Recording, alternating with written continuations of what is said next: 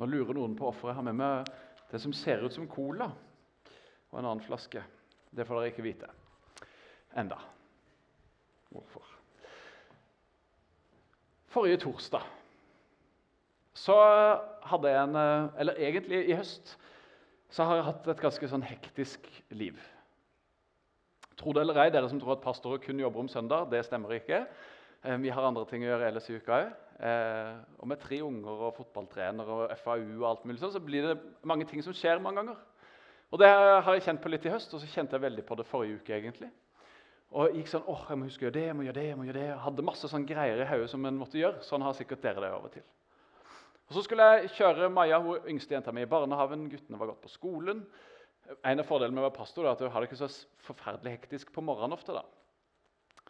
Eh, men så var det Maria, kona mi, som sa når jeg var på vei ut at du, du vil ikke bare komme hjem liksom, og ta meg det litt rolig. Og, vi må jo utnytte det at vi har fleksibel arbeidstid. liksom. For hun har jo det, da. Så, ja, så kjørte Maja i barnehagen, så kjørte jeg hjem igjen. Og så ja, hadde vi en rolig time sammen og ba sammen og koste oss. og Bare var rolig sammen. Og så ja, gikk jeg på jobb og kjente at ah, det var godt. Så kom jeg ned her og hadde fremdeles masse ting jeg tenkte jeg skulle gjøre. Men så jeg, nei, jeg setter meg ned og leser i ei bok som jeg holder på med. Leste et par kapitler i den, og det ene av de kapitlene det talte veldig rett inn i min situasjon. Og Det handler veldig mye om gode vaner. det kapitlet. Men jeg kjente åssen jeg kunne puste ut. Jeg kjente åssen skuldrene senka seg. Jeg kjente åssen jeg ble rolig på en helt annen måte. Og den Lista med de der tingene jeg skulle gjøre, den var plutselig ikke så lang og krevende lenger. Det var like mange oppgaver fremdeles, men jeg hadde på en måte et annet overskudd til å ta tak i det.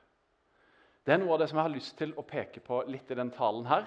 Og egentlig ikke som en sånn engangshendelse, for gode vaner er ikke en sånn engangsgreie. Det er noe vi gjør igjen. Jeg skal komme litt inn på det seinere. Men vi har en taleserie som heter Gode vaner. som vi har holdt på med nå. Og Gode vaner det er viktig og bra.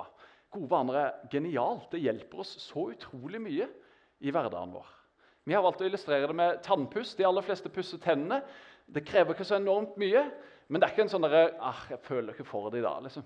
Du bare gjør det, på en måte, for du vet at det er viktig for tennene dine. For å beskytte tennene dine. Fordel at den kanskje lukter litt bedre i munnen. og sånn. Eh, men det har en grunn. Og Gode vaner det hjelper oss til å gjøre på en måte de rette tinga i livet. da.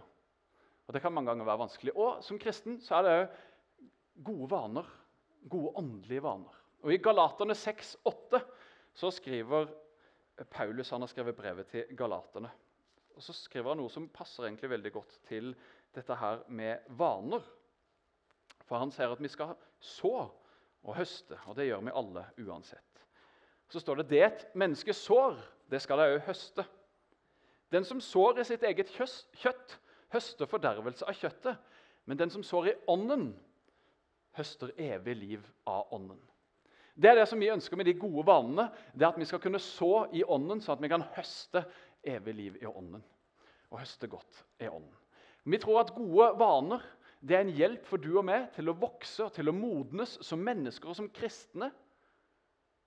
Og Det er på en måte noe av min oppgave som en pastor for en, eh, en menighet. Det er å hjelpe forsamlingen til å ja, utvikle gode vaner som gjør at vi vokser og modnes og bygges opp som kristne. Bygges opp i troa vår. Og vi tror at, Jeg tror i hvert fall, jeg regner med at mange av dere tror at, at Gud har noe for oss. Han er ikke en eller annen fjern fyr som sitter der oppe og som skapte noe en gang, og så holder han på med helt andre ting og bygger Lego. eller noe sånt. Han er jo til stede og delaktig i livet våre, og han har noe godt som han ønsker å gi oss. Og Så kan vi òg være med på dette, her, fordi at vi kan så og vanne, og så kan han gi vekst. Det er fantastisk fint. Så Hvis vi sår i ånden, hvis vi har gode åndelige vaner, sånn som bibellesning som vi hørte om for to uker siden, sånn som å ha en tjeneste og være med og bidra med det du kan, med det du er god på, i et fellesskap sammen med andre Og I dag så er det da bønn og stillhet og neste gang fellesskap. Så er det noe som gjør at vi vokser og modnes i troa vår. Og så kan vi gjøre det til en god vane. Til ikke noe som bare er følelsesstyrt, eller når vi har lyst til det, eller føler for det, eller det passer greit. Men nei, vi gjør det som en vane. Mange av dere har sikkert som vane å gå på gudstjeneste. Og så kunne dere egentlig tenke dere har gjort noe annet, eller uff, i dag regnet det var kjipt, eller ja, det var noe spennende på TV. eller Nei, men jeg går på gudstjeneste. Det er en sånn vane jeg har, og det gjør noe med meg. Jeg har godt av det. Jeg møter Gud der. Så, videre. så er det sånn at med vaner de er veldig ofte krevende å få til. De tar i hvert fall tid å bygge opp. Det er ikke sånn ja, nå har jeg gjort det en gang, nå kan jeg jo det. Da var det en god vane. liksom. Nei, det tar tid. det. Vaner er noe som bygges opp over tid. Og det bygges opp på den måten ved at en gjør noe igjen og igjen. Flere ganger så gjør en den samme tingen. Og da blir det en vane. Det dannes faktisk spor i hjernen vår når vi gjør noe. Gjentatte ganger. Så det er superviktig å gjøre noe. Veldig ofte så er vi kjempegode til å tenke. Ja, det var en god idé. Ja, det skal jeg jammen meg begynne med. Men så gjør vi det ikke. Og Da blir det bare en god tanke, og det hjelper ingen verdens ting. Det er først når vi begynner å gjøre noe, at det endrer, at det gjør en forandring. Og det som skjer da, Når vi gjør noe igjen, så endrer det tankesettet vårt. Det er fantastisk fascinerende hvordan hjernen henger sammen. Knut sa det i forrige, talen forrige søndag. Fritt oversatt så sa han det vi gjør, det former hvordan vi tenker. Så det er kjempeviktig å gjøre noe, og ikke bare tenke det. Hvis du ønsker å endre tankene dine, så begynner du å gjøre annerledes, er egentlig saken der. Og I dag så har vi da bønn og stillhet som gode vaner. Og det kommer nok til å bli mest fokus på stillhet, hvis jeg skal være helt ærlig.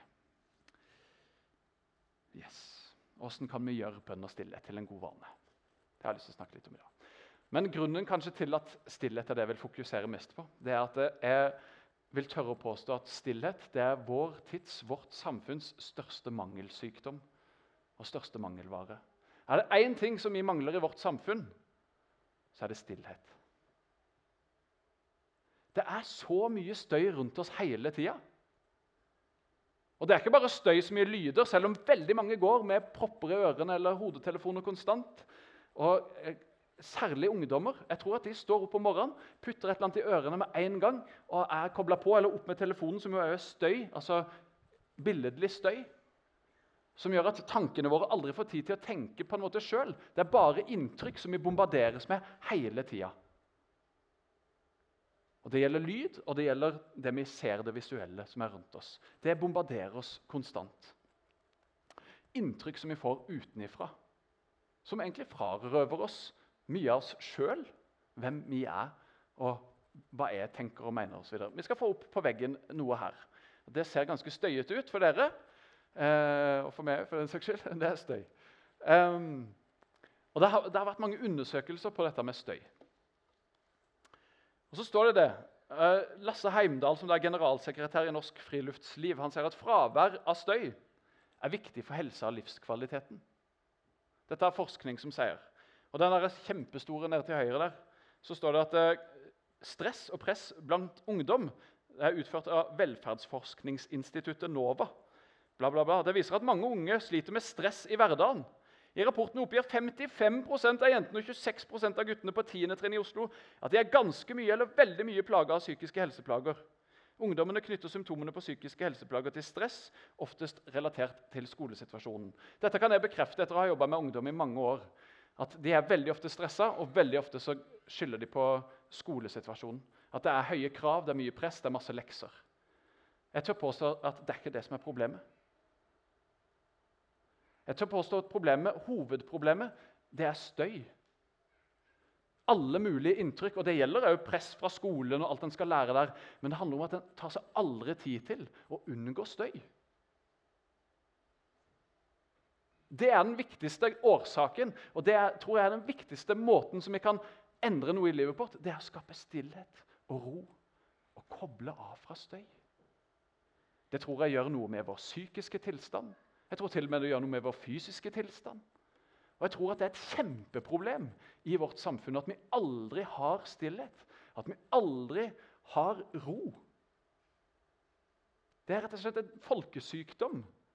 Og så tror jeg at liksom medisinen da, Det er ikke lykkepiller eller enda mer innsats på skolen. Nei, jeg tror rett og slett det er å koble av. Vær stille. Og så er det kjempebibelsk og veldig i den kristne tradisjonen. Ifølge Helsedirektoratet så har 200 000 personer i Norge problemer med nattesøvnen pga. støy. Hvor mange her har hørt at du bør ikke se på en skjerm den siste halvtimen før du legger deg opp med en hand?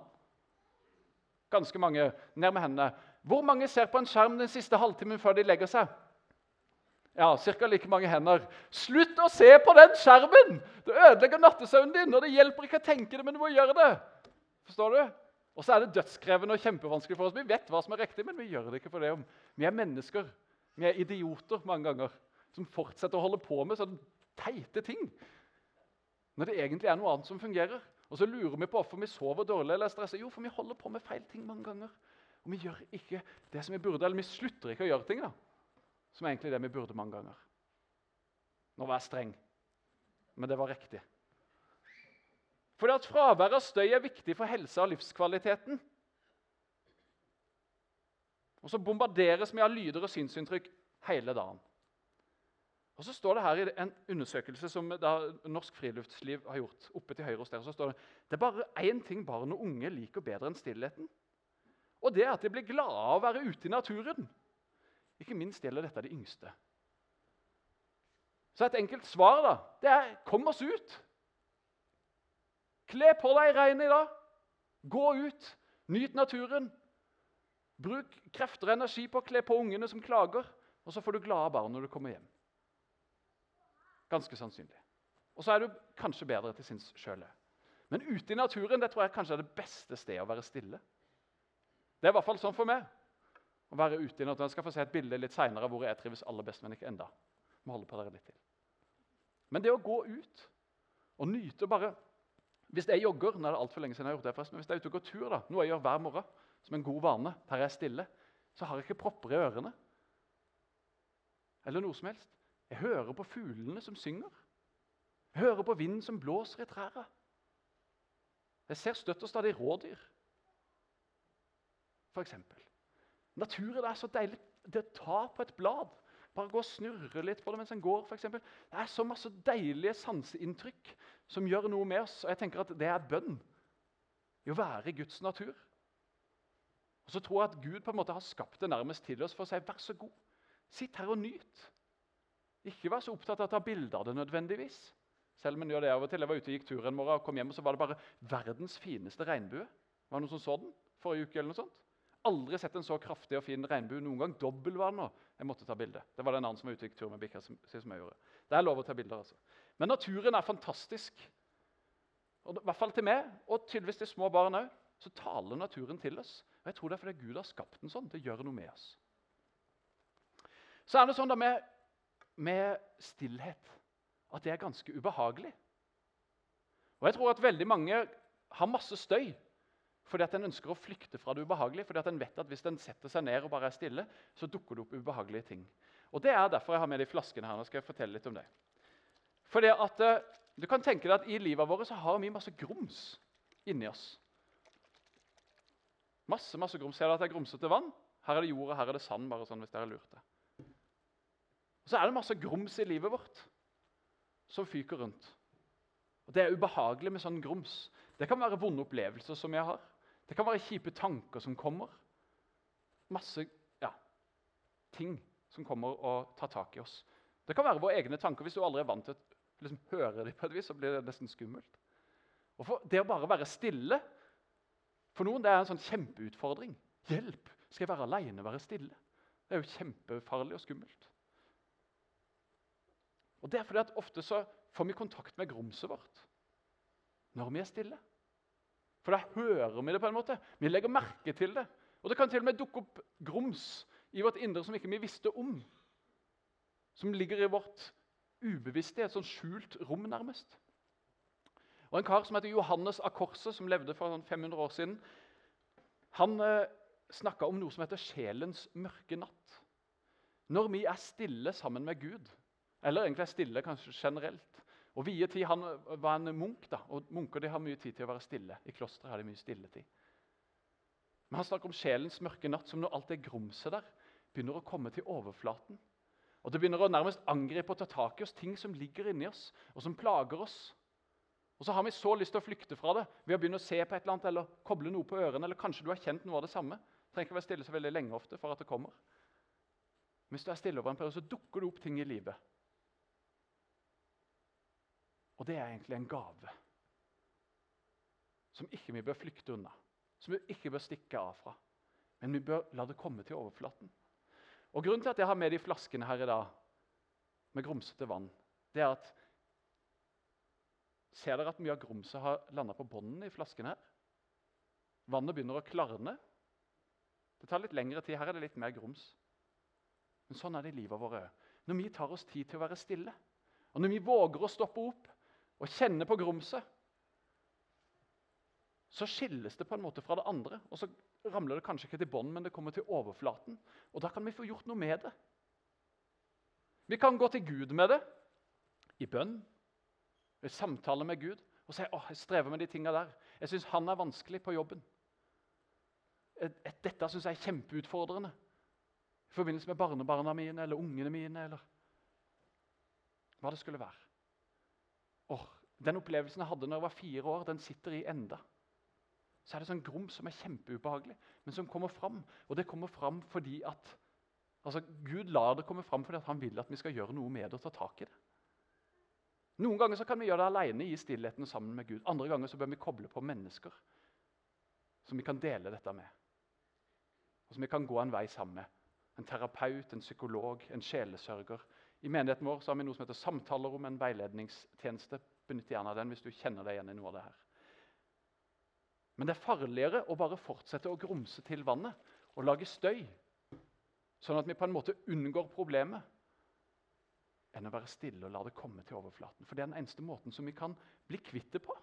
Det er noe som binder oss, det er noe som, som holder oss fast, det er noe som ødelegger for oss. Det kan være skam, det kan være synd, det kan være sår. Det kan være masse forskjellige ting. Det kan være stress fordi at han har for mye å gjøre. Men når vi tar oss tid til å være stille, til å roe oss ned, til å puste dypt både inn og ut, så får du anledning til å komme til overflaten, så kan vi gjøre noe med det i bønn. Nå skal jeg vise dere et spennende bilde på veggen her. Litt støyete herre. Men det bildet som kommer nå Hvor mange her gjetter på at dette er tatt fra et fengsel? Veldig ledende spørsmål. Kåre han er prest, så det er greit. Eh, men det er tatt fra et fengsel. Halden fengsel de har begynt med noe som eh, heter retreat. Og retreat det handler om å trekke seg tilbake og være alene i bønn og stillhet. De har rett og slett innført en kristen praksis i Halden fengsel. De har stjålet det fra et fengsel i Sverige, Sveriges mest sikre og ja, største fengsel. I Kumla fengsel i Sverige har de holdt på med dette siden 2001. Og de fortsetter med det. I 2016 hadde de en kjempestor undersøkelse og evaluering. Og Hvorfor fortsetter de med å sende fangene sine i på retreat? Fordi at det virker. Enkelt og greit fordi at det virker. I Norge så har de holdt på med dette i noen år, og de fortsetter fordi at det virker. De har hatt 40 innsatte fanger. En av dem har gjort noe kriminelt som har gjort at han kommer i fengsel igjen etterpå. 39 har da ikke. Det skjer noe med de menneskene, og så forteller de selv. Jeg skal legge ut en link til en artikkel på NRK om dette. her. Det er fantastisk interessant og spennende. Oppe til venstre er Rikard, den innsatt, han eh, sier det handler mye om å møte seg sjøl. Når en gjør det, så er det ikke alltid like moro, det en ser. Og Det gjelder ikke bare innsatte i fengselet, men det gjelder du og meg. Det Det er ikke alltid like gøy, det som vi treffer på i vårt indre. Da er det bra å ha folk rundt seg til å hjelpe og komme over saker. Eksempel. Så er det en annen kar som heter Tormod. Han er en del av den artikkelen. Jeg har sittet i fengsel en del ganger. Og Da blir man litt avstumpa. ikke sant? Du skal holde maska hele tida, ikke vise at du er trist, sint, glad. Så du går med et sånt steinansikt hele dagen. Du får ikke ut ting og bærer det heller inni deg. Så dette er kanskje min mulighet til å få kontakt med følelsene mine igjen. Dette sier han før han skal gå inn på retreat i noen uker. Og så er det Oppe til høyre så er det en fengselsleder som sier vår erfaring er at de innsatte syns dette er veldig bra. Det gjør noe med dem. De får renska opp i en del av livet sitt. Det er fascinerende, er det ikke vel? Kriminelle som sitter inne for drap. Altså, Dette er tunge kriminelle. De sitter inne for drap og alt mulig greier. Så skriver, forteller de, de skriver brev til, til uh, sine kjære liksom, etterpå. De må skrive brev med alle syndene sine, og det tar liksom timevis. For de har så mye. Det kan du jo gjøre. Og så er det en som heter Vegard Holm på MF som har skrevet en uh, avhandling om det. Han skrev En fange fortalte han at det var umulig å frykte fra seg sjøl når en er stille lenge. Man må kjenne på det som rører seg på innsida. Og hva skjer ikke med meg når jeg setter meg ned og er stille et øyeblikk? Ja, så bare fisker opp mobilen, for plutselig fikk jeg en tanke om et eller annet, måtte jo sende melding til den, eller Veldig ofte sånn trivielle ting. Hva skal vi ha til middag? Eller å, jeg må huske å gjøre det. alt mulig. Så blir vi så distrahert. Og så har vi lyst til å flykte fra det der ubehagelige. Og så sier han der, Vegard Holm at det sier seg at vårt indre liv snakker med en stille stemme som lett overdøves av alt rundt oss. I stillheten begynner vi å lytte innover, ikke bare utover. Det er altså nemlig sånn at Vi lytter ekstremt mye utover. Vi hører på musikk, vi ser på mobilen, vi hører på podkast, vi hører på lydbok. Vi bombarderes av inntrykk hele tida. Og så får vi ikke anledning til å lytte innover, til vårt eget hjerte, til det som bor her inne. Og Da lar vi heller ikke Gud få slippe til. I østlige religioner så driver de mye med meditasjon, og sånn, og da handler det om på en måte å tømme seg sjøl ut. på en måte, Og bli tom. I kristen meditasjon og i retreat og i det å være stille så handler det ikke bare om å bli tom, det handler om å tømme seg fra seg sjøl, men det handler først og fremst om å bli fylt av Den hellige ånd, av Gud. Så må vi avkalle og gi slipp på noen ting, sånn at han kan få lov å slippe til. Vi må rydde plass. Og igjen så tror jeg at Den viktigste og beste måten som vi kan rydde plass til Gud på, det er å være, å være stille. Og En trenger ikke være stille i ukevis, sånn som det er på det retreatet. Eller hele dagen. eller sånn. Jeg tror Det gjelder å begynne i det små. Begynn med fem minutter. Kanskje det er for mye til og med. Begynn med to. Men vær helt bevisst nå skal jeg være helt stille. I går så gikk jeg her nede og vaska. Det er vår vaskeuke. Eh, så jeg gikk her i går kveld og vaska. Og så måtte jeg la mobilen være igjen hjemme, for han ene sønnen min hadde så veldig lyst til å bruke den. Så da gikk jeg her nede uten mobil. Så tenkte jeg, nå kan jeg jo være i bønn og stillhet. Så jeg gikk her i to og en halv time og vaska og var i bønn og stillhet med Gud. Og så var det jo deilig. Så hadde jeg ikke den mobilen som kunne forstyrre meg engang. Jeg så når jeg kom hjem at jeg hadde fått en melding. Den hadde forstyrra meg underveis. Men det å bare frigjøre litt plass og litt tid og litt rom, så kan det være krevende og vanskelig. Men det er en øvingssak, og jeg tror det er å skape en god bane så gjør det noe med oss. Og Jesus da, skal dere få et, et bibelvers fra han. I Lukas 5, 16 så står det det, og det står flere ganger om lignende ting. Men i Lukas 5, 16 så står det Nå skal jeg bare komme til riktig. Der. Men selv trakk han seg ofte tilbake til øde steder og ba. Det står veldig mange ganger om Jesus. Han gikk opp i fjellet og var alene og ba. Han var vekke hele natta for å be og være med Gud. Han trakk seg unna til et tilbaketrukket sted. Det var sånn han holdt på. Jesus er et kjempegodt forbilde for oss. et eksempel. Og jeg tror at Det var veldig viktig for han i sin tjeneste, som opplevde så masse inntrykk fra menneskene han møtte på, fra det han gikk i, å trekke seg tilbake og være alene. Å være med Gud og være stille i bønn og stillhet. Jeg synes det var viktig for Jesus, er det i hvert fall viktig for meg.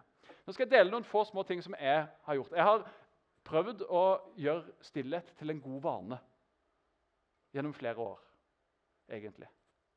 Og Det første jeg gjør, en ting som jeg gjør, det har jeg gjort siden påske. Jeg tok eh, pause mens jeg hadde sommerferie. Men det er at jeg går tur hver morgen. Ideen det har jeg fått av Trond Vegard, som er leder i menigheten her. Men jeg står opp litt tidligere enn resten. og som sagt eh, så har, har ikke det så veldig travelt på morgenen ofte. Og jeg har unge som sover litt lenge, så jeg har klokka på halv syv. Det er ikke kjempelenge. Mange av dere er oppe lenge før meg. Men så er jeg ute og går en liten tur, 20 minutter kanskje. Og da bare går jeg og loffer rundt og subber og kikker på det som er rundt meg, og prater litt med Gud, så har jeg en sånn kort liten bønn som jeg ber hver dag. Takk for denne dagen. Takk for at du er med meg. Led meg da til å leve etter din vilje, til din ære. En kort, enkel sak. Noen ganger så får jeg tanker. Andre ganger så går jeg bare og vimer og kikker. Noen ganger treffer jeg et rådyr. Men jeg går den turen. Mandag til fredag så tar jeg fri i helga. Jeg elsker å sove, nemlig. Men det er en veldig enkel måte for meg å starte dagen på en god måte. Og før jeg begynner å gå, så kikker jeg ikke på mobilen. Jeg leser ikke avisa. Jeg tar ikke fram Bibelen. Men jeg går en liten tur. Når jeg kommer hjem, så setter jeg meg i en stol. Så leser jeg en andaktsbok jeg har, kanskje et vers i Bibelen. Og så bare sitter jeg der litt, og så begynner de andre å våkne. Og så lager jeg til frokost osv. Det er fantastisk, rett og slett. Og som sagt, jeg elsker å sove. Det beste vet jeg å sove på morgenen. Så for meg så har det vært kjempekrevende å stå opp. Og det er det fremdeles. Det er ikke sånn at det har blitt superenkelt. Det er, eller det er blitt litt lettere. Men jeg bare vet at det gjør noe med meg. Det gir meg en ro. Og det gir, det gir, meg noe for den dagen som kommer. Og Det er ikke alltid at det oppleves fantastisk eller at jeg har noen voldsom opplevelse. eller noe som helst. Men jeg bare er stille og er sammen med Gud. Føler meg liksom Adam som vandrer med Gud i haven. Bare loffer rundt. Det er fantastisk godt. Tips. To ganger i året cirka, så er jeg så heldig å få lov å låne ei hytte ikke langt unna her. Dere har ett, kanskje to døgn helt alene. Bare sitter og kikker inn i peisen på vinterstid. Har jeg sittet og sett på flammene noen gang? Det er digg. Det er, det er å gjøre ingenting, altså. Det er å sitte og se på flammer. Sitter og kikker utover sjøen, det er utsikt der. Men jeg bare er alene, er stille. Så har jeg med meg noen bøker og leser og skriver litt. og sånn. Noen ganger så sitter jeg og tenker liksom, åh, ja, tida går seint. Altså, det er ikke fantastisk. Men jeg, jeg, har så godt av det, og jeg kjenner at det bærer meg over lang tid etterpå. Det er kjempefint. Og Nå skal dere få lov å se det bildet som jeg sa. Dette her, det er min ultimate plass. Det er det beste stedet jeg kan være. det er på sjøen. Dette bildet er tatt 29. august. Det var ikke en levende sjel på sjøen, men det var deilig og varmt. Og jeg satt på svertingene med verden for meg sjøl, følte. Det var helt stille. Og i dag passer det litt dårlig å gjøre det samme. Så dette er ikke noe som funker hver dag. Men dette er mitt favorittsted. Dette er det beste jeg kan gjøre i livet. Her finner jeg ro, her finner jeg stillhet. Jeg har lyst til å spørre deg, Hvor finner du det? Hvor er ditt sted? Nå er det jaktsesong. For mange av dere er det det beste sted. Jeg hørte på radioen på vei hit i dag. En 93 år gammel dame som var på jakt. Eller 92 år, kanskje. Hadde vært i 73 år. Men å sitte på jakt ute i skauen, det er helt stille. Du må være stille og følge med og lytte. Og Du er i Guds frihet. Du er det beste sted sikkert å være stille hvis den er på jakt. For eksempel. du trenger ikke gå på jakt for å gå i skauen. Men finn deg et sted der du trives, der du har det godt, der du kjenner at ah, Kanskje er det hjemme i huset ditt. Finn en stol. Lag deg et rom. Et sted. Her vil jeg være stille. Eller gå ut og gjøre det. Og så er Det å være stille det tenker jeg, det er bønn. Så Temaet i dag er bønn og stillhet. Nå skal jeg si litt om bønn, men det er ikke så veldig mye. Men for meg så er det sånn at når jeg er stille, eller i løpet av dagen, når jeg dingler rundt, så er det ofte at jeg har sånne små Jeg bare ber en kort bønn til Gud. Velsign ho. Takk for det. Vær med sånn. Jeg er ikke den som er veldig god til å sette meg ned og be. Og liksom be og be og be. Men jeg har gjort noe for å hjelpe meg akkurat med det. og det er den boka her. Eller jeg har sikkert ti av de. Men det er en sånn bønnebok. Det funker så mye bedre for meg å skrive bønnene mine enn å be de ut. Det kan være et tips. Skrive bønnene. Jeg har hørt andre som har akkurat det samme. Men det å være ute i naturen, kanskje det er noe bra for det. For meg så er det sånn, Jeg opplever det som bønn. Å bruke sansene mine. Lukte og høre og smake og se. Og Det kan være at du kan bruke kroppen din til å be. til og med. Jeg leste akkurat i en bok nå med det her, og da var det sånn, når du skal sette deg ned og være stille, så, sa, eh, så sto det det. Når du setter deg ned, setter deg i en god stol eller på en god måte, så holder du håndflatene sånn ned. Kan legge dem på lår eller hva som helst. Så, så overgir du deg til Gud på en måte de tingene som du tenker på. Jeg overgir den situasjonen eller det som jeg bekymrer meg for, det som jeg stresser med, det som jeg tenker på. Nå gir jeg det til deg, Gud. Og så snur du håndflatene. Gud, nå vil jeg ta imot ifra deg. Nå vil jeg bare være stille. Så gjør jeg noe med kroppen, og det gjør noe med oss. Kanskje du kan knele når du ber. Og prøve det. For å bruke kroppen. For å vise med Bønn er ikke bare ord. Jeg liker å strekke hendene i været når jeg lovsynger. Det er en bønn for meg. Det er overgivelse til Gud, f.eks. Jeg liker å strekke ut hendene når jeg tar imot velsignelsen. Det er fordi at jeg vil vise meg sjøl og Gud at jeg vil ta imot. Vi kan bruke kroppen vår og gjøre det til en god vane å gjøre sånne ting. Så tror jeg at det å takke det er superviktig i vår tid. Takk alltid. Begynn med å takke. Ikke begynn med å be for den, be for den, be for den, men begynn med å takke. Takk for noen ting. Og så har jeg lyst til å dele en kort historie som jeg hørte på et bønneseminar jeg var på en gang. Det er det beste seminaret jeg har hørt om bønn noen gang. Han, sa det, han fortalte en historie når han var pappa. For Noen får dårlig samvittighet å, de sovner når de ber. For har, du, har du fått dårlig samvittighet hvis du har sovna når du har bedt? Eller har du sovna når du har bedt? Jeg har sovna når jeg har bedt. Ja, det er noen få, ja, det kommer flere hender. Eh, sovna når en har bedt. Og Så får en kanskje dårlig samvittighet for at en sovner. åh, jeg skulle jo be og være så flink. Men bønn det handler om å være sammen med Gud. Og han, Karen her, han fortalte en historie om han husker når han var liten, så var det en av ungene hans som, som elska at han leste eventyr. Så han leste eventyr. Og hver gang uten unntak, som de leste eventyr, så sovna den ungen. Og Da ble jo han, pappaen selvfølgelig kjempesinna. Hvorfor sovner du når jeg sitter her og leser eventyr for at vi skal ha en koselig stund, og så sovner du midt i? Han gjorde jo selvfølgelig ikke det. Han elska jo å sitte og se på sønnen sin i armene sine. Som, har du sett et barn som sover? Det fins ikke noe mer fredfullt enn det. Og Sånn er det med Gud og med du og meg. Hvis du sovner når du ber, så tenk deg at du ligger og sover i Guds armer. At du er hans lille barn som han bare elsker å se på. Se så nydelig han er. Se så nydelig hun er. Vi får lov å ha en relasjon med Gud, han som har skapt oss. Vi får lov å være sammen med han og be til han. Og høre fra han, ikke minst. Og det tror jeg er superviktig med stillhet. Hvis vi er gode til å be og lister opp alle vi skal be for, og så snakkes Gud Løper så går vi jo glipp av så mye som han har lyst til å si til oss. Så jeg tror at Bønn og stillhet henger kjempenært sammen. Da. Ha rom for stillhet når du ber, så du kan høre. Og så Det siste jeg har lyst til å si akkurat om det, det er at Edin Løvaas, en fantastisk fyr, knallgod på gode vaner, han hadde en vane om Hver dag så gikk han inn på kontoret sitt. Det var hans stillested. på en måte. Og Så satt han der og leste noe og ba og gjorde forskjellige sånne ting. Men så sa han det. Men det er noen sånne ekle, slimete dager som bare er forferdelige. Og Da sa han det orker jeg ikke å be. Men vet du hva jeg gjør da? Da går jeg inn på det rommet, faste stedet sitt, den vanen han har. Så går han inn i det rommet, stiller han seg der, så sier han, 'Gud, i dag orker jeg ikke å be.' Og så går han ut igjen. Eller gikk han er død. Så gikk han ut igjen. Da hadde han beholdt vanen med å gå inn i det rommet, med å henvende seg til Gud. Og på en måte overgi, men jeg orker ikke da. Og Sånn er det for oss alle. Vi har sånne ekle, slimete dager som bare henger seg fast. Og, øh, vi bare vil bli kvitt. Og så er ikke alltid vi blir kvitt dem heller. Men de bare er der. Men bevar den gode vanen. Sett deg ned og vær stille, selv om alt bare er kaos. Ta tid til å be. Ta tid til å lese Bibelen. Velg å ha den tjenesten du har, selv om det er en ekkel, slimete dag. Neste søndag er det fellesskap. Velg å gå på gudstjeneste eller cellegruppe, eller hva det er, selv om det er en ekkel, slimete dag. Bevar vanen som du har. For jeg tror det er viktig, og det gjør noe med oss. Og Gode vaner det er krevende, men de er effektive og de er hjelpsomme. De tar tid å bygge, og det er krevende og det er vanskelig, men det hjelper oss enormt å gjøre noe med oss. Så jeg skal gi deg noen tips helt til slutt, som kommer opp her. Åh, Nå forsvant det deilige bildet. Men sett av noen minutter hver dag til bønn og stillhet. Dette er ikke et krav eller noe som dere må komme og stille til regnskap hos meg for. liksom. Hvor mange minutter? Nei, det er bare et tips. For jeg tror at det er viktig for oss. Sett av noen få minutter til bønn og stillhet hver dag.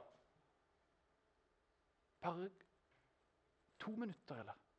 Og kjenn at det gjør noe med deg. Jeg tror det er superviktig. Og Så still deg sjøl spørsmålet hvor og når. Finn deg et sted og en tidsrom som passer for det. Passer det best på kvelden, passer det best på morgenen? Og Ha gjerne litt stillhet på morgenen og kvelden. faktisk. Begynn dagen, avslutt dagen. Kjempefint. Men hvor, hvor, og når? Er det ute, er det inne? Er det en stol? Det, ja. Trenger du kaffe til? Det er veldig ofte det. Og Så kan du gjerne prøve ulike steder og måter og for all del, hold ut. Det er vanskelig og det er krevende, og det tar tid.